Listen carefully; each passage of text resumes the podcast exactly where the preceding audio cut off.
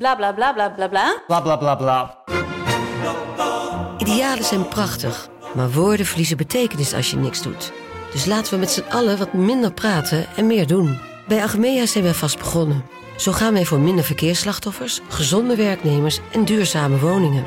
Waar ga jij voor? Kijk op www.werkenbijagmea.nl Kijk, het gesprek begon ogenschijnlijk over het onrecht dat mensen wordt aangedaan als er zo'n vernietigende recensie wordt geschreven. En wat dat met mensen doet. Daar leek het gesprek over te gaan. Maar gaandeweg, en dat is dankzij goed redactiewerk van mijn eh, redacteur destijds, blijkt dat die test niet deugt. Via polymo.nl slash gonzo luister je de eerste 30 dagen gratis naar Polymo. polymo.nl slash gonzo.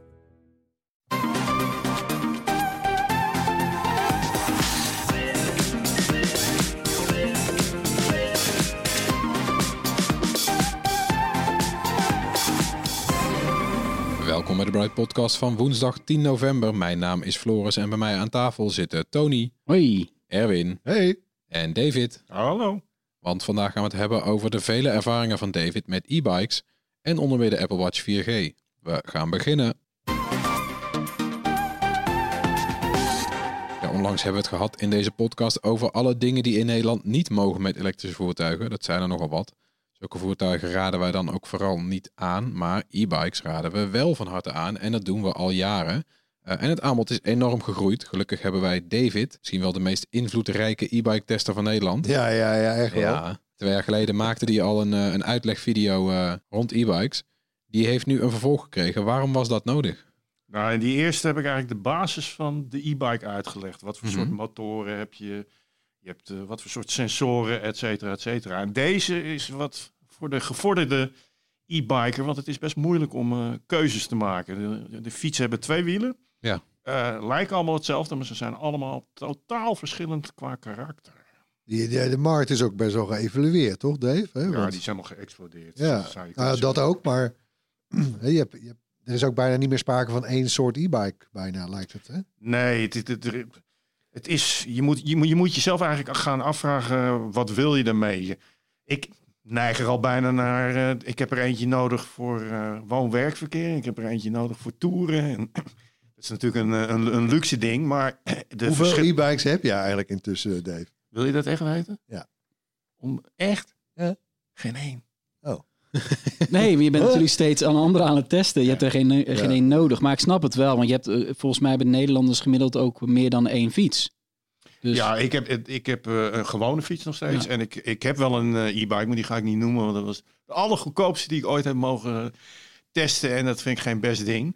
En die gebruik ik ook niet. Maar het heeft er vooral mee te maken dat ik freelance vanuit huis. En ik, ik heb helemaal, ik hoef geen afstanden af te leggen. Dat is het vooral. En Nee, ik heb altijd ja. iets te testen. Dus. Ja, dat snap ik wel. Ik zou er ook heel graag een willen, maar ik heb er ook geen. Omdat ik net, eh, weet je, waar ik heen moet is net te ver weg voor een e-bike. En alles wat, wat ik wel met de fiets doe, dat is dichtbij genoeg om met een normale fiets te doen. Oké, dus ik, even voor alle duidelijkheid, ik ben hier de enige met een e-bike.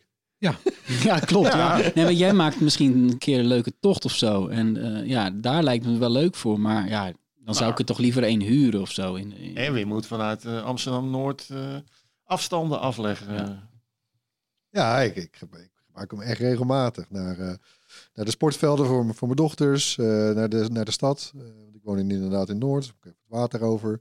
Dat zijn allemaal net, ja, dat kan ook met het OV, tuurlijk, maar ja, dat duurt veel te lang. De auto is natuurlijk in elke grote stad sowieso een onwijs dom idee tegenwoordig. Ja. Eh, dus zo'n e-bike, ja, fantastisch. Ja, ik denk dat een e-bike het snelste middel is om jezelf te verplaatsen. Nog veel meer dan een, een, brommer of een snorfiets of wat dan ook. Het is gewoon een lichtvoetig ding. Ja, je bent echt overal in een mum van de tijd. Dus wat dat betreft eh, echt een bijzonder voertuig. Nee, want vo- voordat we een beetje de, naar de, zeg maar de, de ins en outs voor gevorderden gaan. eh, eh, de e-bike even als zich. Hè, dat is natuurlijk, het, het heeft wel van ver moeten komen. Hè. Het werd natuurlijk altijd gezien als de Sparta met, even flauw gezegd. Maar Irolator noem ik ze altijd. ja, nou ja, je herkent ze nog wel. Hè, die met zo'n accu-pack onder de bagagedrager. Ja. Eh, die zijn er nog steeds. Eh, vooral veel bejaarden erop die ook achter elkaar nu overhoop worden gereden. Als ik het, eh, als ik de nieuwsberichten mag geloven. Maar ehm, eh, hè, de, de, ik, ik proef het af en toe nog wel, hè, van nou, e-bike, ja, maar nou, eh eh, daar word je toch lui van. En, eh, zij, hoe, staat het met de vooroordelen, denk jij, ten aanzien van e-bikes? Nou, die zijn flink aan het eh, veranderen. Want met name omdat de verkoop ook zo toegenomen is. Eh, wat was het, één of twee jaar geleden al, dat er eh, meer elektrische fietsen verkocht werden dan stads-e-bikes. Dus mensen ontdekken het ook.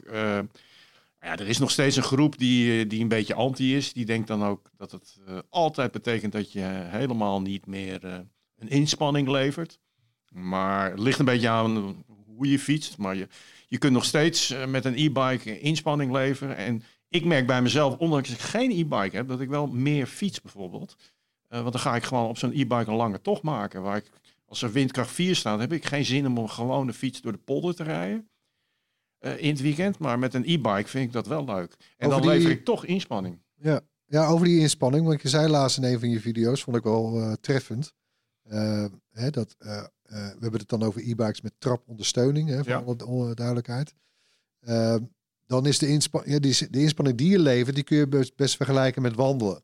Ja. Hè, eh, eh, dus het is, ja, het is niet zoals we met racefietsen. eh, eh, dat is toch wel een tandje eh, intensiever. Eh, maar op een e-bike fietsen is vergelijkbaar met wandelen eigenlijk qua inspanningsniveau. Ja, en eh, je kunt ook een echte inspanning leveren. Dat is bijvoorbeeld bij mountainbike. Elektrisch mountainbike, eh, dat wordt, daar wordt nog wel eens op neergekeken. Dat merk ik echt. En dat is onterecht, want eh, kijk, eh, mountainbike heeft allerlei vormen. Een, een deel van de mensen die vindt het fantastisch om die berg af te donderen. Maar dan kan je wel eerst omhoog. Dan heb je nog energie over om die berg af te donderen. En uit wetenschappelijk onderzoek is gebleken waarbij ze e-bikers namen pro. Ze hebben alle, allemaal pro's. Die lieten ze op een gewone een bepaald traject met heuvels en bergen doen en dan op een e-bike. Op een e-mountainbike. En het verschil in hartslag was maar zes hartslagen per minuut. Dus die mensen die hadden een hele hoge hartslag, 160, 170. Dus je, het, het, tuurlijk, eh, als je het vergelijkt met gewoon fietsen, voor woon-werkverkeer, dan lever je aanzienlijk minder inspanning. Maar het is niet zo dat je geen inspanning eh, levert.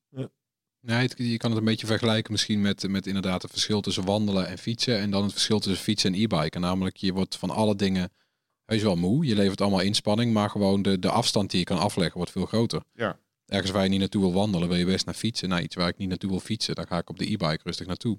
Ja, het, het is, hoe je het een beetje kan zien is dat, kijk, als jij eh, tien jaar geleden naar je werk fietste, hè, vijf of zes kilometer, Ja. ja, dat is gezonder dan vijf of zes kilometer op een e-bike. Maar er zijn ook heel veel mensen, vooral nu, nu eh, ja, zitten de norm is geworden, die, eh, die fietsten helemaal niet. En die Ja. kopen een e-bike en die gaan nu wel fietsen. En dat vertaal je dan, ze gaan dus nu gewoon wandelen. Ja, nee, en is winst, want het is gezonder voor hen. En ze laten de auto thuis staan, dus dat is top. En, Hey, en want, want na de, hè, na de modelletje Sparta Met, zeg maar. Ja. Ja. Eh, voor mijn gevoel begon het een beetje hier in Nederland met, met Vermoof, met de eerste Electrified. Eh, dat zette een beetje een soort eh, een, een, een nieuwe toon. Eh, mooi, een mooi ontwerp. en dat, dat stond heel ver af van dat stigma van een bejaarde op een Sparta Met. Ja, het was voor het eerst dat, dat een e-bike eigenlijk serieus hip aan het worden was voor de, voor de jonge doelgroep. Maar da- daarna is er wel een soort wereldgroei gekomen hè? met, met van citybikes, een soort sportieve e-bikes. Eh, je noemt al de mountain e-bike. Eh, eigenlijk elke denkbare fiets die er ook in een gewone versie was, die bestaat nu ook. Ja, tot en met bakfietsen eh, aan toe. Ja, Ja. Eigenlijk is gewoon de norm dat de, de oude fiets zo'n beetje aan het verdwijnen is en dat het eh, in grote lijnen allemaal elektrisch wordt. Elektrische vouwfietsen. En, Ja. en je hebt ook eh, eh, zogeheten roadbikes. Dat zijn dan, die hebben dan een soort, soort van racefietsstuur. Maar dat is een e-bike. Dat is Ja. ook wel apart. De, de gravelbike. gravelbikes Ja, dat heeft is dan ook wel, eh, ja. iets van de laatste paar jaar. Dat, eh, Ja. dat we nu op gravelpaden een soort van... Het, het zit ergens tussen ja, een wielrenfiets en, eh, ja, ja, en dan elektrisch. Dat is ook, dus er, er komen ook allerlei nieuwe vormen van. eh. Hey, en nog even voordat, eh voordat eh, we terug gaan naar het hoofdverhaal. Maar de, eh, de eh, Bram die heeft het vaak, die test vaak eh, van die fatbikes. Ja. Is dat een categorie? doet dat iets met jou? Eh, word je daar Ja, enthousiast ik- van? Of? Ik eh, heb er in het verleden ook een aantal van getest. Eh, ja, het is gewoon een hele andere soort fiets. Hij maakt nogal wat lawaai vanwege die eh, brede banden. Maar in landen als Frankrijk zijn ze super populair. Want ze, zijn ontstaan als fiets waarmee je door het zand over het strand zou kunnen rijden. Ja. En in Amerika ook om door de sneeuw te rijden. En, ja, en in sommige landen zijn ze gewoon mega hits. Ja, en eh, dan blijft die hoofdvraag door de jaren heen altijd: wat is de beste e-bike? Het aanbod is dus flink gegroeid. Eh, maar ja, je moet er nog steeds overal op letten. Een paar jaar geleden was Van Moof dus de enige modieuze, keu- eh, modieuze keuze. Inmiddels is dat al lang niet meer zo. Hoe vind jij het landschap er nu uitzien? Ja, heel erg mooi.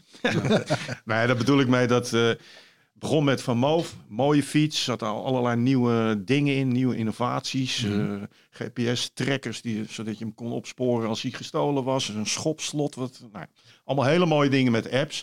En eigenlijk is iedereen dat een, op zijn eigen manier weer een beetje na gaan doen. En wat je nu ziet, en dat is de grote kentering, dat die, die bekende oude Nederlandse merken, s- eh, Batavus, Gazelle, die beginnen dus nu ook gewoon mooie fietsen te maken. Dus het, de, de- die accu die achterop eh, de bagagedrager zat, die is aan het verdwijnen. Hij, hij is nog steeds volop aanwezig, maar je ziet gewoon dat dat verdwijnt. En dat is wat ik altijd die Irolater noemde. Ja, en nu is uh, Gazelle is mooi, Stella maakt eh, mooie fietsen. Dus iedereen eh, heeft het licht gezien van eh, je kunt niet meer wegkomen met een een of ander eh, lelijk ogend ding. Eh, we willen gewoon wat moois, wat hips en iets wat lekker rijdt. Ja, en de- ze zijn dus best wel snel volwassen geworden. Uh, maar de keuze uh, nou ja, is dus ook enorm. En die hangt van van alles af. Zoals de trapondersteuning. Waar kan je nou ook weer uit kiezen? Ja, je hebt uh, om te beginnen drie soorten motoren. Je hebt er één in het voorwiel, je hebt er één in het achterwiel en dan heb je een middenmotor. En de hele ervaring van, van ondersteuning wordt bepaald door de motor, de sensor. Die sensor die meet of jij aan het trappen bent, want dat is de wetgeving. Je, je, je, mag niet met een, uh, een gashendeltje op een e-bike van 5 tot 25 km per uur uh, rijden. Je moet fietsen. Ja. Nou, daar heb je een sensor voor rotatiesensor of een krachtsensor. En dan heb je nog het elektronische brein. Die uh, al die gegevens van het draaien van die pedalen omzet naar... Uh, nou, ga jij, uh, jij motor, ga even deze meneer of mevrouw helpen met fietsen, ondersteunen. Ja, Zo'n duwtje krijg je dan. Dus een soort van algoritme bepaalt van als, als, ik, als ik zo hard trap... wat dan op verschillende manieren gemeten wordt... dan krijg ik zo'n duwtje in de rug eigenlijk. Ja, dat is het letterlijk, ja. ja. Maar dat ligt dus echt heel gevoelig kennelijk. Want ik, ik herinner me dat jij best wel vaak toch klaagt over, die, over de fietservaring. Wat nogal belangrijk is bij een fiets. En dat komt dan precies door die software van is... die trapondersteuning. En zo nu en dan is er ook wel een fabrikant die ja. aan jouw video's ziet en het gewoon weer aan gaat passen op basis en, van de feedback. En trouwens, het, merk, het valt mij wel op dan. En, uh, dat je eigenlijk dus steeds negatiever wordt, of naar verhouding, over Vermoof. Uh, ja, ik, ik word steeds kritischer. Misschien niet dat is een per beter se, woord. Ja. ja. het is niet per se negatief. Uh, want ik vind het uh, op zich nog steeds een hele fijne fiets. Maar de voorsprong die zij hadden, die zijn ze een beetje aan het verliezen, vind ik. Ze zijn, ja, er zijn gewoon een aantal dingen. Nou, dan laat ik een goed voorbeeld noemen, want dat sluit aan op die sensoren. Je hebt dus een zogeheten rotatiesensor die meet of je pedalen draaien. Zodra ze draaien, dan krijgt, geeft het brein gewoon een signaal van ga langzaam naar de 25 km per uur, in ieder geval naar de hoogste stand die je hebt ingesteld. Dan heb je een ander systeem met een krachtsensor die meet daadwerkelijk hoeveel kracht je op de pedalen zet. En dat vind ik persoonlijk veel fijner, want dat fietst veel natuurlijker. Dus je zou het eigenlijk kunnen vergelijken dat die uh, van Moof, die heeft dus zo'n rotatiesensor. Zodra je ook maar gaat uh, trappen, hoef je eigenlijk niks meer te doen, behalve heel licht die ja, pedalen. Nee, uh, ik kan het onderschrijven. Ik heb een Vermo, een S2 trouwens nog. Uh, jij hebt nu een S3, die geloof ik. Ja, ik heb een S3 te leen ja. Uh, maar dat, ja, nee, het klopt wat je, wat je beschrijft. ik, ik zet aan en dan, dan is het eigenlijk het prettigst als je wel gewoon trapt, maar niet probeert zeg maar met, met de kracht van de ondersteuning mee te blijven trappen. Nee. Want dan moet je ontzettend gaan fietsen.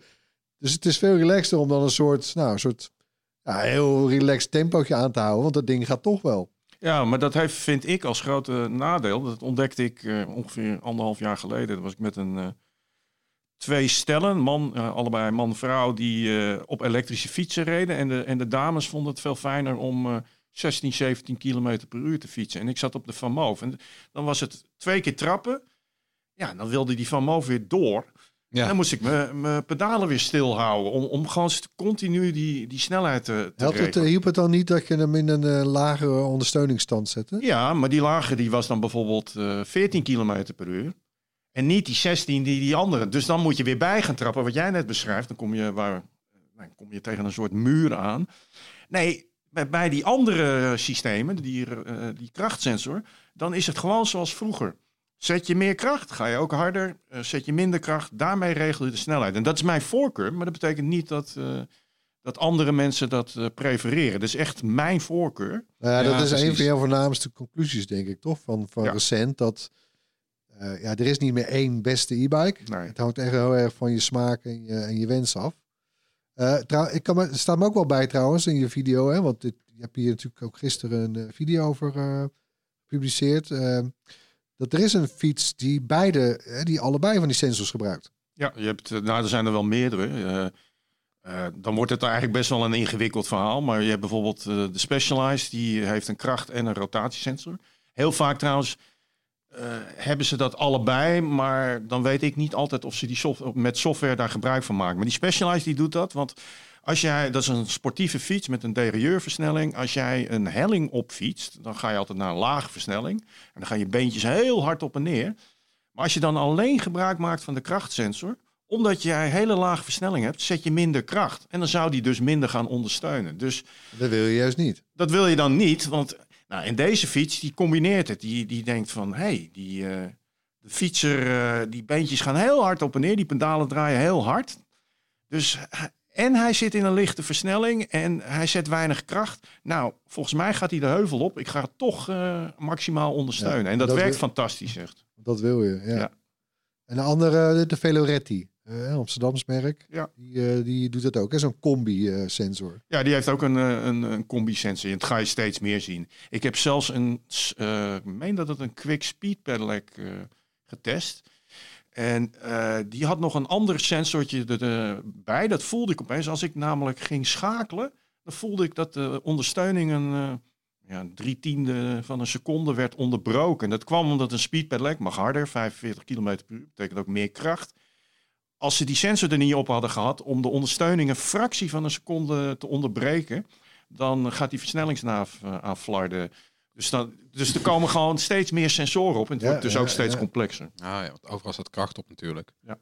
Ja, dat van die Van Moof vind ik ook wel geestig. Dat volgens mij heel veel jongeren vinden een Van Moof juist vet, omdat het een soort van brommer is.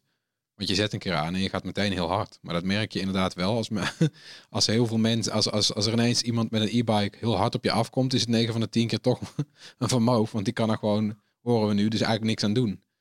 Nee, nou, het is niet zo dat hij als een raket gaat. Want ik vind wel dat Van Moof, eh, eh, ondanks dat het rotatiesensor is met een voorwielmotor, dat Mhm. vind ik de minst eh, fijne oplossing.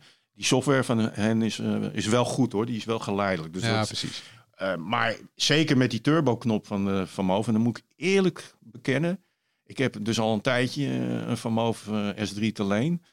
Ik gebruik die turboknop de hele tijd. Ik word er wel erg lui van. Bij het stoplicht is gewoon genieten om uh, je, je fiets weg. Dan druk je die turboknop in. En dan eigenlijk is het Ja, een gashendel. Gewoon even iedereen voorgaan. Ja, is toch Ja, dus ik, ook ik hou wel van uh, brommerachtige e-bikes. Maar als ik echt heel oprecht ben, vind ik dat natuurlijk. uh, ja, dat vind Ja. ik het met die rotatie. Of uh, krachtsensor vind ik het fijnst. Want eh, eh, trouwens, met die, die, die Veloretti's die je noemde, of die eh, Specialized Vado en zo, die hebben trouwens niet zo'n boostknop, hè?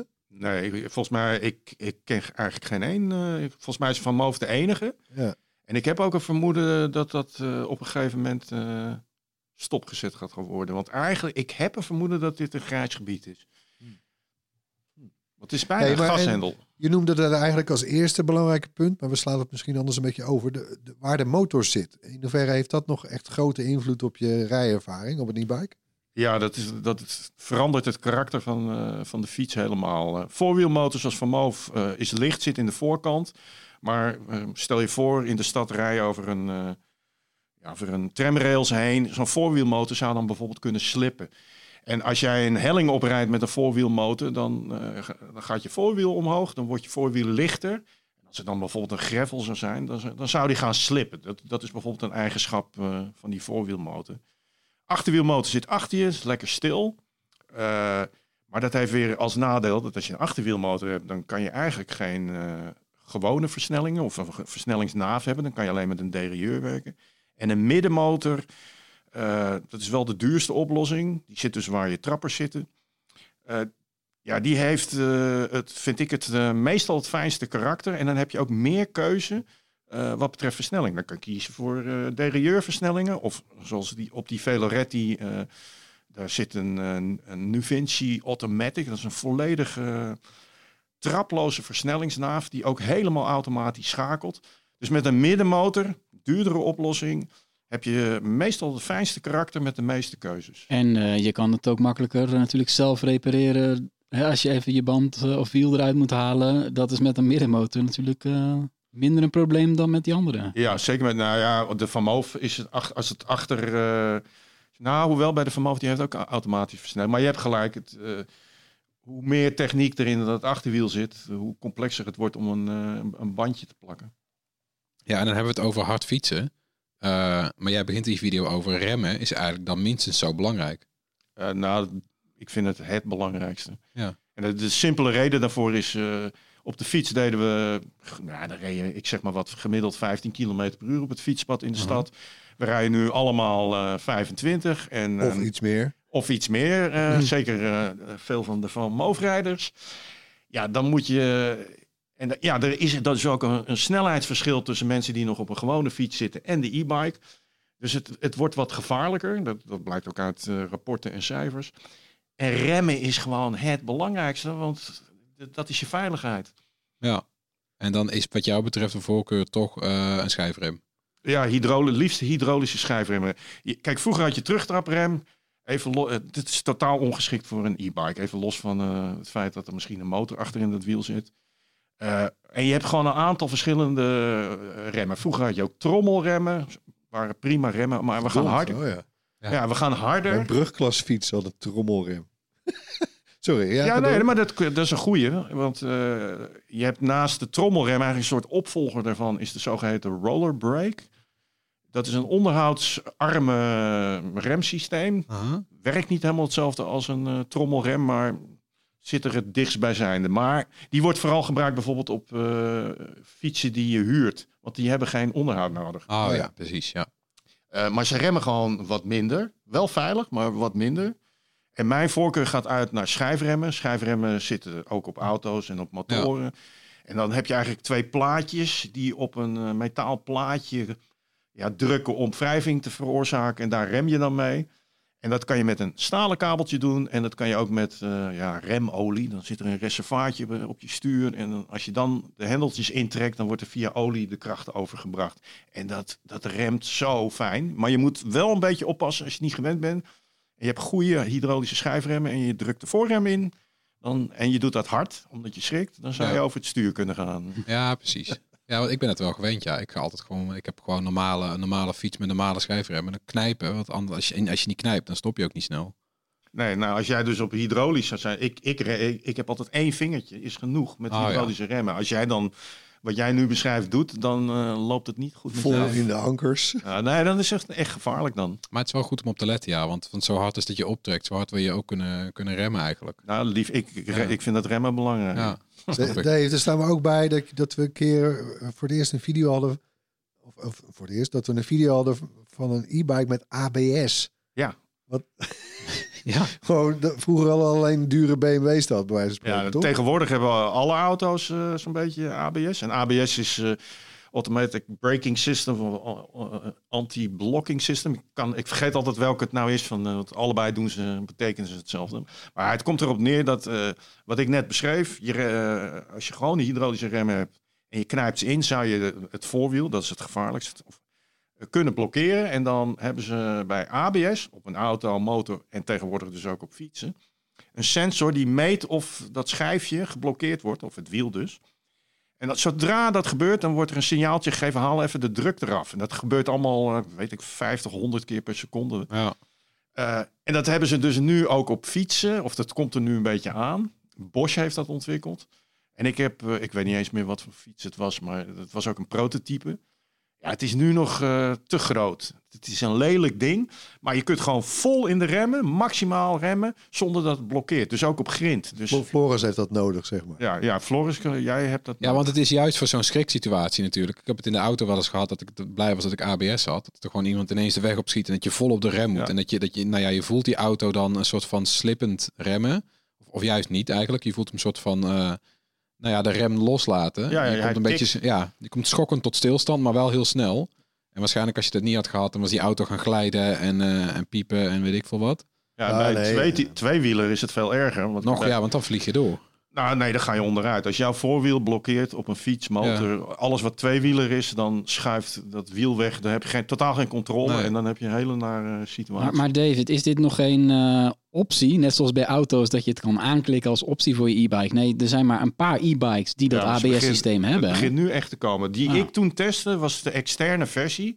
En de reden dat het zo lomp is, dat is een, ja, ik noemde net al sensoren, maar er zit gewoon een hydraulische, een, dus een pomp die de oliedruk 50 keer per seconde of wat dan ook regelt. En dat is een lomp geval. Dat zat geloof ik op mijn stuur.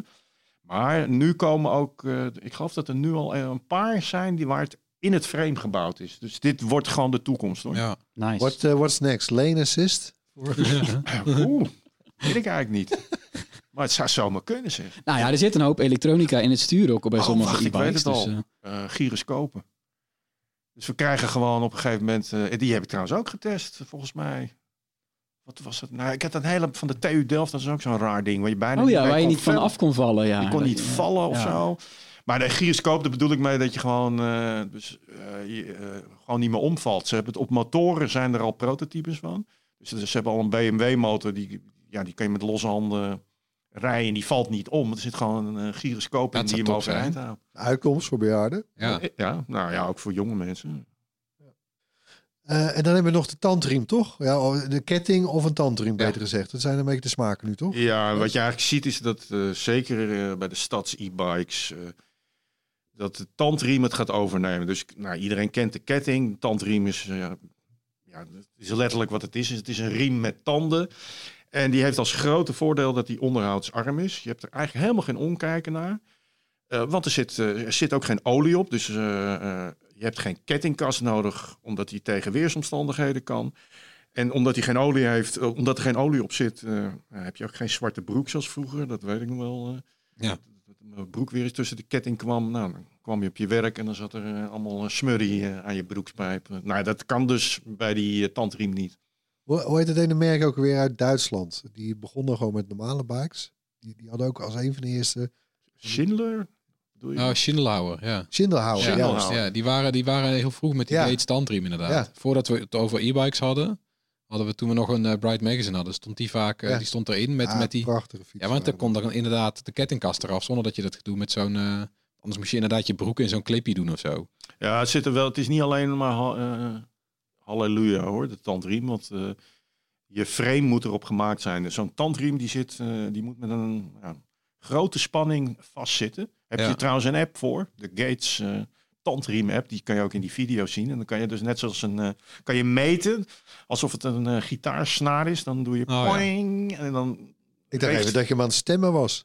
Ja, maar maar- eigenlijk is dat ook. Ja, eigenlijk het is het stemmen van de gitaar als het ware. Hij moet op de juiste spanning staan en dan maakt hij een, eh, weet ik veel... Ja, als je dat zo. niet doet, dan als hij heel slap staat, dan schiet hij, er, schiet hij over de tandjes heen van, de, van, van die ja. tandwielen.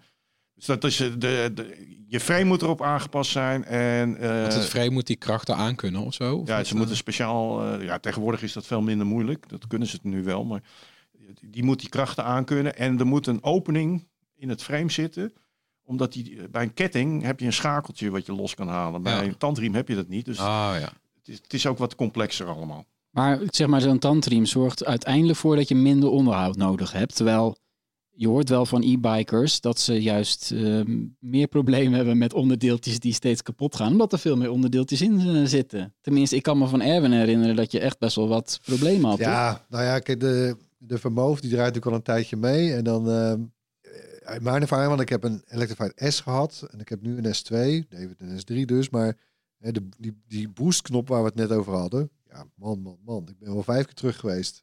Voor een knopje, ja. Ja, ja, maar ja, deed hij ja. het niet meer. Ja, hallo, daar had je juist die fiets voor eigenlijk. Ja, ik sta me bij dat ze me wel eens verteld hebben dat eh, zo'n dat draadje van die boostknop, dat loopt er dan via het stuur door het balhoofd het frame ergens in. En de- dat wil zeggen, je bent aan het sturen en dat draadje kwam geloof ik heel vaak dat klem te zitten, eh, waardoor het kortsluiting, bla bla. Zoiets was het eh, verhaal. Dus dat is een beetje een ontwerpfout. Was het.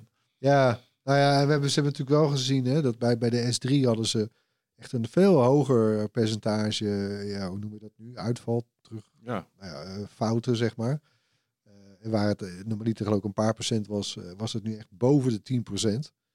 Ja, dus Ja, ze ja, ja. wisten bijna ook gewoon niet hoe ze dat moesten bolwerken. Maar niet, niet met de accu. Wat, wat, waar ik ook denk, van denk van ja, pas na een paar jaar weet je hoe goed die accu eh, is. Nou, ik heb nu toevallig, eh, eh, had ik mijn S2 eh, gebracht, want eh, opeens deed mijn motor het af en toe niet meer. Nou, eh, dan heb je dus echt helemaal geen ene REET aan zo'n fiets. Ja. Want eh, dat ding is dan loodzwaar. Daar moeten we het zo ook nog even over hebben trouwens. Maar, eh, en het, eh, wat was het nou ook weer? Er was iets stuk. Ik, ik had het tegen jou gezegd laatst, Dave. Nou ja. Ze zeiden niet van, hé, daar heb je hem weer. Nee, nee, nee, dat niet. Maar de. en dat, is- ja, die is, dat is gewoon echt helemaal vervangen. Eh, maar goed, ik heb dat ding dus. heb nu je een hele nieuwe motor ook? Nee, nee, niet de motor. Het wordt het niet de ontsteking. Maar, de, ehm, maar iets waardoor die, ja, hij sloeg niet meer aan. En, ehm, maar goed, ik heb dat ding toch. Van wanneer was de S2 ook weer? 2018, Ja, zo al wat. denk ik, zo? 19? Ik ben 19, slecht in jaartallen. Volgens mij is het 2019. En dat weet ik omdat jij volgens mij op je S2 die toen nieuw was kwam aanrijden bij eh, Star Wars 9. Oh. Daar gingen we met z'n allen naartoe. Ja, ja, ja, associeert alles met films, toch? Star Wars is een eh leidmotief in deze podcast. En het, eh, Nee, maar ik vroeg me af, doet, doet die accu het dan nog goed? Merk je dat, daar nog wat problemen met dat het bereik ineens heel erg keldert of zo? Dat was... Nou ja, het zijn ook lithium eh, accu's. Ja, drie tot vijf jaar en dan begin je. Dan, Hm. Kijk, maar je merkt het niet zo snel. We, hebben dus die range anxiety, hè, die angst voor de rijkwijde, of dat nou een elektrische auto is of eh, een fiets. De meeste mensen die gebruiken zo'n elektrische fiets om, eh, weet ik wat, eh 7, 8, 9, 10 kilometer naar hun werk te gaan. Ja, en dan die af, dus je laat hem toch steeds op. Als je lange tochten gaat maken en je doet dat vaak, dan zou je na drie jaar merken, hé, hey, ik kan opeens die lange tocht niet afmaken. Want je gaat van 100% naar ongeveer 80%. Dus eh, het, het, het valt wel mee hoor. en dan hadden we het dus net al over die muur even. Ja. Is dat een factor om ook in de, De gaten te houden? Ja, de muur. Is dat een factor om in de gaten te houden als je, als je gaat shoppen voor een e-bike? Zal ik even vertellen wat, Ja, wat, ja, dat wat is mijn ervaring daarmee is? Ja. Want kijk, ik heb dus een S2 FMO en die heb ik eh, zeg maar niet gereset. Even voor even kleine anekdote. Hè. FMO die heeft natuurlijk een, eh, nou, wat is dat nu, een half jaar geleden of zo, hebben ze het beleid doorgevoerd dat, eh, dat, je, dat je niet meer in Nederland voor de Amerikaanse stand kunt kiezen. Ja. Waardoor je e-bike, je e-bike eh, 32 km per uur eh, Mhm. eh, tot 32 km per uur ondersteund kan worden. Maar alleen de Europese eh, limiet, die 25 km per uur. En dat deden ze via, met een update van de app, waarbij jij zelf handmatig je setting, je geografische setting moest resetten. Nou, dat heb ik natuurlijk niet gedaan, Nee. want dan was ik die 32 km per uur kwijt. En daar was je aan gewend, ja. Ja. En eh, nou, Dave heeft dus zoals gezegd dus een S3 en die heb ik toen ook even geleend. En Ja, ik kwam hem diezelfde middag al terugbrengen. Ja, nee, ja, precies. Want Dave had het me voor alle duidelijkheid niet gehackt met Mover, hè, die app eh, Ja. waarmee je Venmo's eh, gewoon wel kan laten doen wat je wil. Dus die, had, ja, die hield gewoon op netjes bij 25 km per uur met ondersteunen. Ja, maar goed, ik, ik, heb, ik woon in Noord. Ik heb een paar stukken waar je even lekker kan doortrappen. En ja, dan, dan kom je dus bij, bij die 25 km, kilometer per uur. En daarna, ja, dan, dan is het dus alsof je in je, in je in z'n drie rijdt tegen een heuvel op. En ja, dan is er eigenlijk gewoon geen reet meer aan. Ja, Dus want je als- krijgt dus van die motor een zet tot je 25 rijdt. En dan houdt die acuut op. En Ja. dan ben jij ineens op een hele zware Ja. fiets aan het trappen. Ja, alsof je twee lekke banden hebt, een heuvel oprijdt, in zijn derde versnelling. En als je dan even loslaat, dan... eh, nou ja, dan, zo- ja, zodra jij je snelheid weer laat zakken tot onder die 25, dan word je wel weer, weer hè, dan krijg je weer dat setje in de rug. Ja, en dan denken heel veel mensen dat dat eh, iets te maken zou hebben met eh, motoren die weerstand hebben. Dat dacht ik eerlijk gezegd een paar jaar geleden ook. Maar eh, dat is het niet. De Van Moof die heeft een, eh, een hele een heel zwaar verzet in de hoogste versnelling. Dat wil zeggen dat je benen heel langzaam of die pedalen ronddraaien. Zware versnelling. Ja. En dat is heerlijk tot 25 km per uur. Dan, die benen gaan lekker rustig. Ja. Maar dan is het in één keer dat je op een gewone fiets zit in, in, in versnelling 18. ja, precies. Dus ja. het is niet zozeer elektronica. Vroeger had je dat wel. Hè? Die middenmotoren die hadden vroeger, heeft de Moof niet, maar hadden vroeger wel weerstand. Er komt ook nog bij dat de Van Moof ook niet de lichtste e-bike is. Die weegt iets van eh, 20 of 21 kilo. Ja. Ja. Dus bij een, eh, een Specialized, eh, voor de luisteraar, de Specialized Fado SL eh, is de- mijn favoriete Ja. fiets. Staat ook in- bij ons in de koopgids, Ja. hè? Ja. Duur model wel, maar... Stuff. Ah, is heel duur. Het is gewoon Ja. een premium eh, fiets. Maar dat is een fiets die eh, zo verfijnd is dat je... En hij is ook licht. Ik sta maar bij die 16, 17 kilometer eh, kilo weegt. Dan ga je naar de 25 en eh, bij de 23,5 of zo begint de software de ondersteuning heel langzaam al af Ja, te bouwen. Dus je east al naar eh, op benenkracht. Dan heeft hij derieurversnelling. Hij is licht. Nou, dan fiets je gewoon door. En dan is het gewoon alsof je... Ja, dan ga je gewoon 30 fietsen op een, op een sportieve fiets. Met die fiets heb je geen muur. Ja. En kan je ook gewoon op benenkracht fietsen. En die, die muur die is nadrukkelijk aanwezig bij de Van Moven. Maar er zijn wel meer fietsen. En als ik... Ik, Ja, ik, ik heb gisteren de... Ik heb de Harley mogen testen. De Serial One. Mm. En die heeft net zoals de Veloretti eh, automatische traploze versnelling. En die automatische traploze versnelling, dat is een naaf. Er zit alle, het versnellingsgebeuren zit helemaal opgesloten. Kan geen stof bij, geen vuil. Mhm. Eh, die heeft ook Bluetooth. En dan kan je zelf eh, de trapfrequentie instellen. Dus bij 25 km per uur kan je of à la Van Moof heel zwaar gaan trappen. Dan zou je dus op een Veloretti ook een muur hebben. Maar je kan hem ook lichter zetten. En dan heb je ook geen muur. Maar het is wel iets om rekening mee te houden. eh, want die muur die is wel degelijk aanwezig. Ja, Nou, kom je het is tegen. echt bij Venmove, als die Mover-app, hè, die dus Ja. over, voor alle duidelijkheid niet door Venmove eh, is gemaakt, maar een soort wordt gedoogd. Ehm, als die er niet zou zijn, en je zit dus op een Venmove echt aan die 25 eh km per uur cap, nou, dan zou ik geen Venmove meer willen. Maar dan moet je, eh, ga ik je uitdagen, want je hebt de Mover-app. Moet je voor de grap eh, die, die 32 eh km per uur instelling, of dat wolkje, dus de hardste instelling. En dan moet je dan eens door de muur heen trappen. Want als jij 32 rijdt, gaan je benen ook sneller. En dan is de muur eh, ook minder. Die is veel minder dan die Oh, 25 oké. km per uur muur. En dat komt gewoon door die versnelling. Het is eigenlijk de, het zware verzet eh, wat die muur veroorzaakt. Ja, ja. ja de, die, die Mover-app die ondersteunt trouwens inmiddels ook de Vermogen S2. Maar in beta trouwens eh, weliswaar. Oké. Dus dat wolkje bijvoorbeeld, wat je op Ja. eh, de S3 hebt, wat een soort de off-road modus is met 37 km per uur. Eh, die heb je nog niet. eh, Nee, ik vind dat gewoon veel te hard op zo'n ding. ja, maar is dat, nog, eh, is dat nog te tweaken? Zou, zou Van Moof kunnen zeggen, we doen een update waardoor die muur, eh, net zoals bij andere merken, dus verzacht wordt. Dat je al eerder begint met het... Nou, in wezen, ze hebben niet zo lang geleden een eh, firmware upgrade voor de S3 gedaan.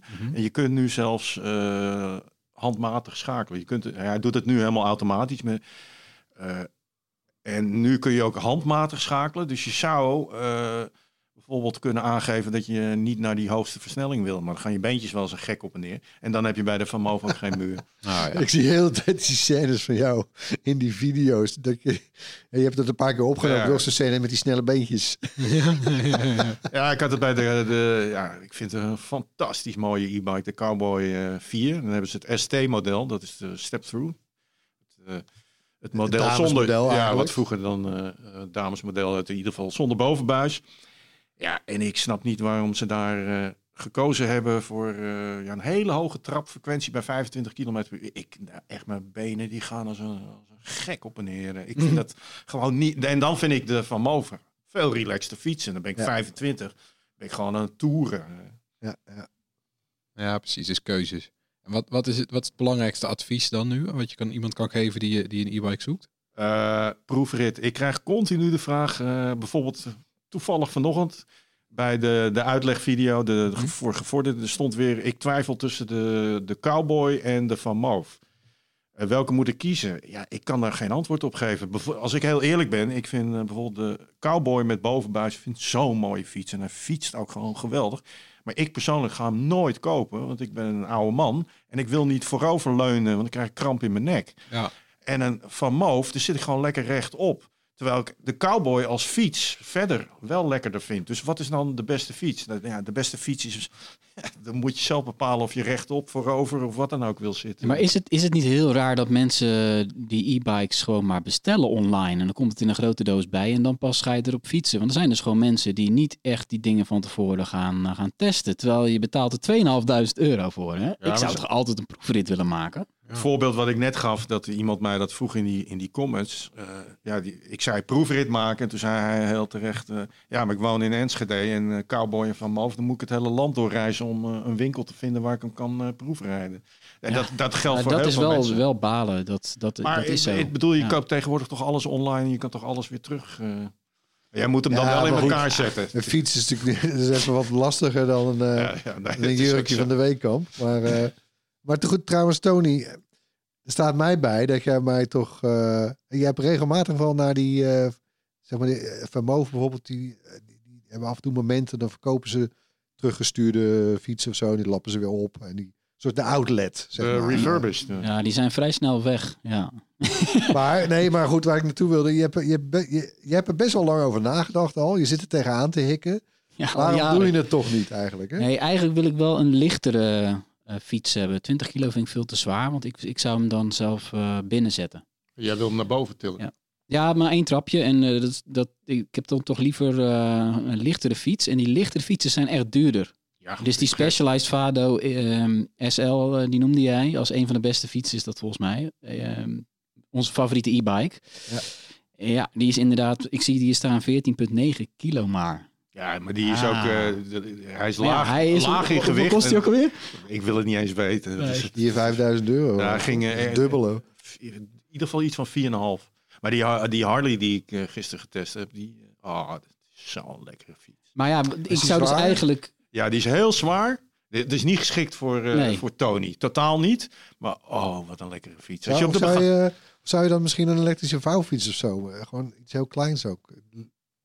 Nee, echt, een vouwfiets ben ik niet zo van. Nee, dat vind ik, zo, vind ik al zo lullig eruit eh, zien. Ja, het fietst ook gewoon veel minder. Het is een compromis. nee, Ja. ik, ik vind ook dat het een hele hoop van e-bikes hebben allemaal features die ik helemaal niet wil. Het moet gewoon heel simpel zijn. Ik hoef geen... eh, De cowboys geen- trouwens, Ja, die zijn ook niet zo zwaar. Zijn ook niet zo zwaar. Ik En weet het niet uit mijn hoofd, maar volgens mij is 17 kilo. Ja, dat is misschien wel wat. Nou, vind ik te zwaar. Het is, Bruto. maar hij hoeft voor mij ook geen groot bereik te hebben. Dus ik heb een, een, een, hippe, lichte e-bike. Hoeft geen grote accu erin, eh, maar betaalbaar. En daar zit Ja, toch- je wil eigenlijk Oh. gewoon een soort pronk e-bike die je gewoon de hele tijd in je woonkamer laat staan. Waar je alleen maar naar zit likkenbaardend naar zit te kijken. Nee, dat ook weer niet. Maar ik zou ook heel snel gaan als het er wel zou zijn voor een abonnement. Als zo'n type e-bike met een abonnement zou komen. Maar nu zijn die abonnements-e-bikes zijn ook allemaal van die enorm zware bakbeesten. voor Maar weet je nog dat in de Bright Stuff heeft heel lang de Muto gestaan? Ja. Ja. En volgens mij is die licht, heeft een kleine actieradius en had een heel licht prijsje. Is een van de goedkoopste. En Het is Ja. een fantastisch Met die goede door, fiets. ook, ook met zo'n Zou je nog eens naar moeten kijken? Ja, maar die had inderdaad niet zo'n eh, zo'n stoere bovenbuis die wij in Nederland gewend zijn. Hè? Ja, Nee, ik, ik ben helemaal eh step-through geworden. hè. Ja, internationaal schijnt dat ook. Unisex Ik- ja. Ja, unisex. Maar ik vind, eh, ik vind dat steeds mooier. Ik vind die Cowboy ST... Oké, als die trapfrequentie anders was, dan was het helemaal mijn fiets. Maar de- ik vind hem zo mooi. Maar is Nederland straks het enige land waar we nog wel met zo'n bovenbuis rondrijden? De hele wereld is al overgestapt op één type. Weet je trouwens wat, wat de reden is dat het zo... Vroeger kon het namelijk niet. Een, een, een damesmodel fiets. De technologie was er niet om dat frame stijf genoeg te maken. Daarom zag je heel vaak bij die, eh, vrouwen, eh, bij die frames van die vrouwenfiets twee buizen. Dat was dan nog een compromis, maar het waren eigenlijk zwabberfietsen. En de fabricatietechnologieën die zijn zo geavanceerd geworden dat ze nu die step-throughs gewoon echt stijf kunnen maken. Dus die bovenbuis, die, die- ja, die is gewoon er ooit geweest om die frames gewoon sterk te maken, maar niet omdat het functioneel was verder voor de rijder zelf. Nee, ik had integendeel. helaas mijn, mijn jongste dochter die vroeg zo van... Ja, waarom zit die stang dan eigenlijk als het alleen maar zeer kan doen? Ja, Ja. eh, terecht. Nou ja, daarom dus. Ja. Ja, je hebt het waarschijnlijk al eens gehoord. Een zogenaamde eh, pre-roll boodschap van een adverteerder aan het begin van onze podcast. Daar zijn we mee begonnen omdat we eh, de podcast graag gratis willen houden. Eh, maar de schoorsteen moet ook roken. Dus, dus werken wij samen met een advertentiebedrijf. En deze week en de komende weken hebben we zelfs een sponsor in de uitzending. Het is Bit Academy, de beste tech-opleiding van Nederland. Erwin, wat is de aanleiding? Ja, Bit Academy is een, is een gratis opleiding gestart voor programmeren. Is, is volledig online en kun je eh, prima je eigen tempo doen. Eh, ja, het is best wel tof hoor. Je bent, ja, je bent vooral veel dingen aan het doen en aan het samenwerken. Je wordt ook begeleid door experts uit het veld. En ze beloven dat je binnen 10 weken de skills hebt eh, van een junior data engineer of een full stack webdeveloper. En dus heb je interesse in IT, meld je aan op bit-academy.nl en klik op Nederland leert door. Maar die opleiding die is gratis. Is, is dat allemaal wat? ja, ja, nee, dat snap ik. Goede vraag. Maar dat is eh, zeker niet het geval. Big, Bit Academy kan in dit geval deze opleiding gratis aanbieden. eh, dankzij een subsidie van de, van de overheid. Oh ja, want de nood van eh, na- naar IT'ers is hoog. Zo, ja. Ja. Ja, Zijn, zijn er nog voorwaarden? eh, eentje slechts is dat, dat is, heeft te maken met de subsidievoorwaarden. Je moet al momenteel werkzaam zijn. Dat mag trouwens in loondienst of als zelfstandige, maar ja, je moet dus al werkend zijn. Eh, ik zou er wel trouwens snel bij zijn hoor, want er zijn maar 200 plekken beschikbaar. Zou leuk zijn als er een klein klasje Bright Podcast programmeurs op staat. Eh, Oké, bitacademy.nl dus. Nederland leert door. Hou ons op de hoogte als je je aanmeldt. Vinden we leuk. Gaan we door met het hoorspel waarin we elke week een techgeluid laten horen. En dit was het geluid van de afgelopen twee weken. En het is niet de Mandalorian. Nee, nee dat zou je misschien denken. Eh, het heeft misschien wel iets van weg. We hadden al een tip gegeven, jazz. Nou, één Eh, tip dan. Nog één tip en die luidt, is wel een hele enorme tip, die luidt cowboy. Nou, als we het nu niet weten, dan nu eh, niet ik weten- voorste schoen op. Ja, nou liever niet, maar komt hij nog een keer. Maar Cowboy heeft niets te maken met het e-bike merk wat we net noemden. Moet ik er nog even bij zeggen. Ja, Ja, misschien verwarrend. een rode draad, hè? Ja, De trouwens, we draad. geven zo'n Cowboy e-bike weg hè, in die video van David. Vergeten we nog helemaal te noemen, maar bij deze dus nog even. Ja, precies. Dus in de video van David kan je een cowboy e-bike winnen. En eh, bij ons kan je een Bright t-shirt eh, winnen als je weet wat dit geluid is. En eh, als je dat denkt te weten, mail dat dan naar podcast.bright.nl en dan verloten we zo'n gewild Bright t-shirt. Gaan we door met een rondje kort nieuws. Te beginnen met Nederland is wereldwijd koploper op de markt voor elektrische voertuigen. Woehoe. Ja, dat stelt eh, Arcadis in een nieuw rapport. In ons land zijn er volgens het adviesbureau voldoende verschillende elektrische modellen beschikbaar en groeit het marktaandeel van elektrische auto's fors ten opzichte van benzine- en dieselauto's. Ook is elektrisch rijden hier relatief goed betaalbaar. In Nederland zijn er momenteel 183 elektrische modellen te koop. Ook groeit het eh, marktaandeel naar 60 auto's per duizend personen in 2025, zegt het rapport. Nou, dat gaat best goed. Dat is best een hoop. En hoeveel heeft Rutger eh, getest? Nou, die heeft er van die 183 al aardig wat getest. Ja. Ik denk dat hij ze allemaal mag gaan afhandelen. Nou ja, we, we hebben ook trouwens heel veel laadpalen. Dus vergeleken met andere landen staan we daar ook altijd heel goed. Ja, ondanks wel, dat er eh, problemen zijn met het Ja, elektriciteitsnetwerk. het is weer zo typisch Nederland. Hè? Dus ja, je wil gewoon je eigen laadpaal. Ja. Weet je, met gemeenschappelijk. En dan moet je, moet, dan moet je praten met andere mensen. Eng. ja Dan, en ik eh, hoorde dus ze agressief worden. En, eh, Want het is ook veel goedkoper kennelijk. Om, ik wist het helemaal niet. Ik ben er helemaal niet in thuis. Ik heb geen elektrische auto. Ik dacht, als ik een elektrische auto heb... Ik heb zelf geen parkeerplaats voor, voor, de, voor mijn huis. Dus ik parkeer ergens in de buurt. Ik dacht, dan rij je gewoon twee keer in de week even naar zijn snellader toe. Met een moderne auto. En dan ben je er ook wel. Maar kennelijk is dat drie keer zo duur dan dat je het thuis doet. ja, nee. Ja, dat, doei. eh, nee. We zijn- hier wel voor de besparing. nee, je kan het best gewoon s'nachts opladen. Ja. Nou, verhuurplatform Airbnb heeft een nieuwe functie gelanceerd... voor wie vanaf zijn vakantieadres wil doorwerken of wil videobellen. Bij de accommodatie zie je voortaan de gemiddelde internetsnelheid. Ja, ik vind dat echt briljant, eerlijk gezegd. Want hoeveel, ik ben toch op best wel veel plekken geweest. Of, nou, heel veel, maar zeker natuurlijk de afgelopen eh, anderhalf, twee jaar niet. Maar daarvoor ook. En dan, ja, je checkt altijd, ja, er is toch wel wifi, hè? Ja, ja. oké. ja, dan kom dat schijnen, daar, dat schijnen mensen en dus ook aan de lopende te daar doen. Een ja. brakke Ja. verbinding, Zo. jongen. Dan, heb je, ja, dan zet het er dan niet op, denk ik. Dus ik, vind, ik ben hier heel erg voor. Ik, ben, ik vind het echt goed dat ze ook de speedtest daadwerkelijk laten uitvoeren door die verhuurders. En eh, eigenlijk zou eh, die hotelbooking sites, die zouden dit eigenlijk ook moeten doen. Want in hotels is het ook een drama. hè? Ja, hotels is het ergst. Ik weet nog wel, eh, de Las Vegas CES, toen we daar waren, lag ik eh, half met mijn onderlijf in de hotelkamer en bovenlijf in de gang van het hotel. Dus de grootste con- eh, elektronica Ja, ja, ik ben consumentenshow. en ik, had- geweest, het ja. internet eh, was helemaal niks. Ja, dat is ook wel zoiets. We zijn goed in elektrische auto's en internet. We hebben het maar eh, Ja. voor elkaar in Nederland. Ja, dat is echt wel zo. Apple mag een door de rechter opgelegde verandering in zijn App Store beleid eh, niet uitstellen tot na december. Dat wilde Apple graag. Appmakers moeten vanaf december gebruik kunnen maken eh, of kunnen melden dat ze via een website goedkopere abonnementen kunnen afsluiten. Dat moeten ze aan gebruikers melden. Eh, zonder de Apple-commissie dus. Zonder die 30 of 15 procent. Apple wilde uitstel vragen eh, vanwege een hoger beroep tegen de uitspraak. Eh, maar dat uitstel komt er niet. De regel moet er dus toch doorge, nou ja, ingevoerd worden. Eh, en ook daar gaat Apple weer tegen in beroep.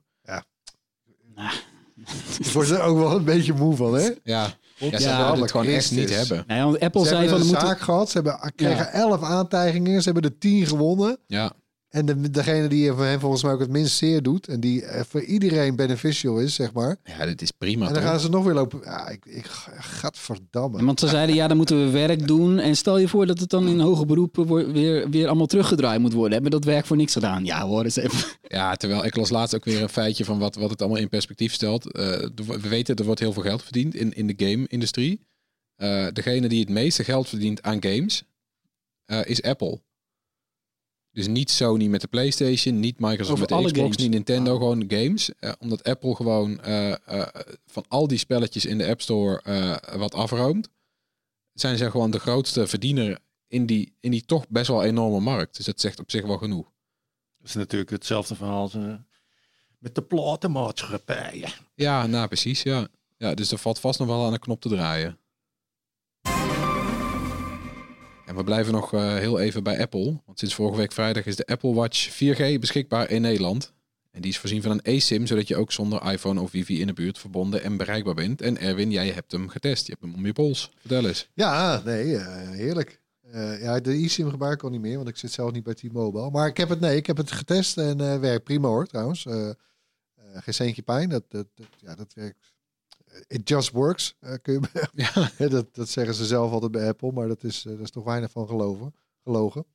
Eh, zelf ben ik vooral blij dat nu weer het RVS, hè, het roestvrijstaande model ja. van de Apple Watch, weer eindelijk verkrijgbaar is in Nederland. Want dat, ja, dat komt alleen maar met ook cellular erop, hè, of 4G kun je het als, als, we- als we het even simpel noemen.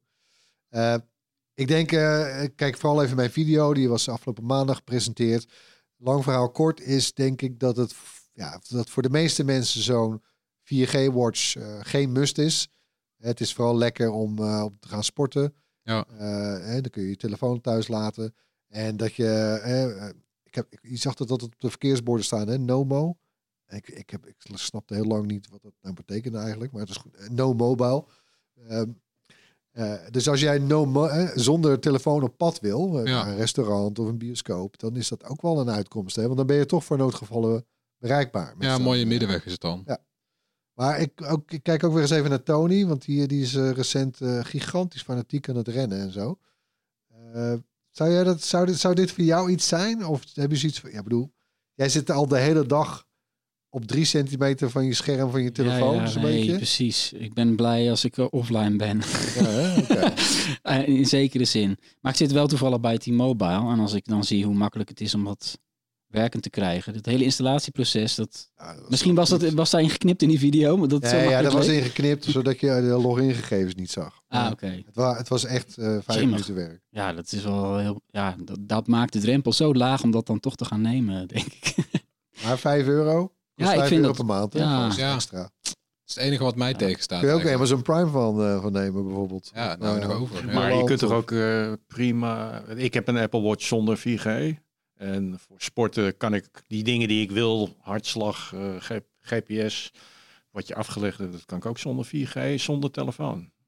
Nee, kijk, er zijn natuurlijk een aantal, een aantal dingen kun je, kun je al met een gewone Apple Watch, een aantal dingen niet. Hè, dus je bent, eh, je kunt bellen, je kunt bericht ontvangen, je kunt mailen, eh, eh, je kunt eh, de, de data van een workout wordt live meteen, dat kan dan ook met de Strava app meteen live worden geüpload. Het is geen ramp, hè, want ook als jij gaat rennen en je komt thuis en je bent weer in de buurt van je iPhone of van een wifi punt, nou, dan wordt alle data gesynchroniseerd. Je kunt van tevoren een podcast uploaden naar je, naar je watch. Je kan van tevoren een playlist muziek uploaden naar je watch. Dus het kan wel. Eh, het is alleen, ja, het biedt nog meer vrijheid. En dus ook vooral de vrijheid om je telefoon niet de hele tijd bij je te hoeven hebben. Bijvoorbeeld op je e-bike, Dave. Dan kan je met je oordopjes in, kan je toch bellen via je, eh, via Apple Watch met 4G. Ja, ik, ik- dat soort Tijdens dingen doe ik nooit. fietstochten? Nee, oké. Als ik fiets, dan wil ik de wind horen. Met de afsluiting hebben we nog wat tips voor je. Alle links staan in de show notes en die vind je onder meer op bright.nl. En we beginnen natuurlijk met David. Mijn tip is Itchy Boots, vrij vertaald eh, kriebelende laarzen. En dat is een, eh, een jonge dame die al een paar jaar op een eh, motorfiets de hele wereld rondreist. Die begint elke video met Good morning internet. En ze is zeer ontwapenend, dus ook heel goed te kijken als je geen enkele interesse hebt in motorrijden. En zij is denk ik een van de, misschien wel de, meest bekende motorvlogger van allemaal. Ze, gaat al, geloof ik, richting de 900.000 eh, subscribers.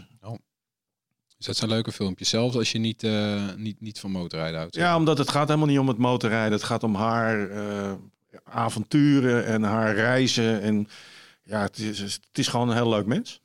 Een soort long way down, maar dan eh, de YouTube-versie. Ja, alleen de Long Way Down lag de nadruk toch wel wat meer op dat motorrijden. En het grote verschil natuurlijk met Long Way Down is, die hebben een hele filmploeg bij zich. Zij doet alles helemaal zelf. En ze doet ook, ze reist ook helemaal in haar eentje. hè. Dat is, eh, veel vrouwen vinden dat eh, natuurlijk veel moeilijker, maar zij is echt een, echt een hardcore avonturierster. Aanrader. Leuk. Dan naar Erwin. Ja, ik heb een eh, serie gekeken op eh, Netflix. De eerste drie afleveringen staan er inmiddels. Eh, Arcane, een animatieserie. En het is op basis van het populaire spel League of Legends. Ja. Zo, dat is zo'n multiplayer online battle arena. Ik, heb, ik speel het zelf niet, maar... En ja, ik was gewoon helemaal blown away. Die serie zit gewoon zo asociaal goed in elkaar. Ja. Echt niet normaal. Franse animatiestudio zit erachter, eh, las ik. Ah, oh, ja, nou, heel eigen is stijltje, toch? Ja, nee, maar en ook gewoon de story. Pff, Man, het is, het is echt, een- echt een hoog niveau. Het is denk ik de beste soort game spin-off die ik ooit heb gezien. Ja, want Of jij... nou live action is. Je of zegt niet zoveel, want meestal van die ga- gameverfilmingen, die zijn dramatisch vaak, Fair- toch? fair Sorry, enough. maar... Ja, fair maar ik heb, ik heb maar- begrepen dat ook de fans van de eh, game, dat die het ook wel oké vinden. Wat heel knap is, want meestal is het of de, of de, of de, of de niet-fan eh, kan er wel inkomen omdat hij toch niet weet wat er allemaal fout gaat. Eh, maar dan vindt de fan het niet leuk, of de fan vindt het leuk, maar dan is het allemaal te wollig voor de, voor de, voor de leek. Maar hier hebben ze dus een mooie, Ja, mooie nee, ik, was, eh, ik kijk uit naar aflevering 4. Leuk. Tony. Ja, ehm, ik heb ook een eh, Netflix-tip. eh, de miniserie The Billion Dollar Code. Dat gaat over eh, twee Duitsers, een, eh, een programmeur en een kunstenaar. Eh, die samen een bedrijf begonnen met de naam Art.com. Vond ik al aardig. Eh, en die in 1994... Laat dat nog even tot je doordringen. was de digitale 1994. Alleen Ja. Erwin van ons eh, was al online, denk ik. Nee, nee, nee. Ik was... Jij ook, David? 89 was ik al online. Ah, het is bulletin boards. geweldig. Ja, precies. Ja, Ja, bulletin Ja. CompuServe eh, was mijn eerste. Nou, die twee Duitsers die bouwden destijds bouwden die TerraVision. En dat was een software waarmee je dus eh, satellietbeelden van de aarde eh, kan bekijken. Helemaal naadloos getoond in een 3D-weergave van de aarde. Waarop je kan inzoomen. Oftewel, Google Earth. ja, precies al wat Google Earth ook jaren en jaren later deed. Zij bouwden dat toen omdat ze een project moesten gaan doen voor eh, Deutsche Telekom, geloof ik. En toen hebben ze maar geroepen, ja, dit kunnen we. Terwijl dat technisch eigenlijk helemaal niet mogelijk was met de computers eh, van destijds. Ze hadden ook helemaal geen satellietbeelden, maar die hebben ze toen geloof ik van eh, NASA gehaald. en die jongens zijn erin geslaagd om dat te bouwen, destijds al. Om dat werken te krijgen. En daarna, eh, jaren later kwam Google Earth. Toen dachten ze natuurlijk van, hé, hey, wat is dit Ho, nou? ho, ho, ho, ho, ho. Eh, daar, daar kwam een soort slepende rechtszaak uit die wel is samen te vatten met David versus Goliath. Waarbij die Duitsers natuurlijk... ik ga niet alles weggeven, maar ja, het is lastig voor ze als kleine start-up uit Duitsland. En man, die documentaire serie die laat eigenlijk heel goed zien hoe in die beginjaren van internet er heel veel idealisme was en creativiteit. En hoe dat later eigenlijk door Silicon Valley eh, ja, heel anders is geworden, die techwereld. En Google zal ook ooit wel begonnen zijn als een spannende start-up. Maar ja, dat is uiteindelijk natuurlijk totaal veranderd. En eh, ja, het is een Duitsstalige serie, maar laat je dat niet, eh, niet laat je daar niet door afschrikken. Want ik vind het echt wel leuk om dat te zien, die, eh, die begintijd van, eh, van internet. De hackers scene in, in eh, Berlijn. Ik vind het goed weergegeven. En eh, ja, Google Earth, daar wordt trouwens in die serie wel over gedaan dat het zo'n belangrijke eh, uitvinding was. Maar daar kan je wel je vraagtekens bij zetten. Want iedereen, Google Maps ja, belangrijker was. iedereen gebruikt dus nog steeds gewoon die 2D Google Maps. En we Platte, hebben, eh, platte kaarten, ja. Precies, en we hebben het over de metaverse gehad de afgelopen weken. Als opvolger van het normale 2D-internet. Nou ja, daar moest ik nog even aan denken van... hmm, misschien dat we daar later ook wel eh, nog Ja. steeds gewoon het gewone internet, eh, webpagina's Ja, samen Zeker dat we daar geen haast mee hoeven te maken. Nee, precies. ja. Nee. Eh, mijn tip staat op Apple TV Plus en heet Acapulco. En eh het gaat over het reilen en zeilen van een eh resort hotel in Mexico in de jaren 80. En het is eigenlijk hartstikke leuk. Het is een comedy. Eh, die bestaat uit zeg maar één grote flashback. Het is een, het is een, eh, het is een, rijke, een rijke Mexicaan die zijn jonge neefje vertelt van nou hoe ben ik rijk geworden. En dat begint als, eh, als poolboy in dat resort. En het is eigenlijk heel geestig. Het is heel licht. Een beetje cliché soms, maar het is allemaal met hele felle kleuren. Het is altijd lekker weer en precies wat je nodig hebt nu, nu de wintertijd weer in is gegaan en het altijd donker is. Oh ja. Ja, ik vind het ja, een leuke, leuk, leuk serietje voor erbij. Lekker. Bedankt weer voor het luisteren. Laat gerust iets van je horen. Mail naar podcast.byte.nl. Zoek ons op op YouTube, Facebook, Instagram, Twitter, TikTok en Discord. Tot volgende week. Bye. Bye. Doei.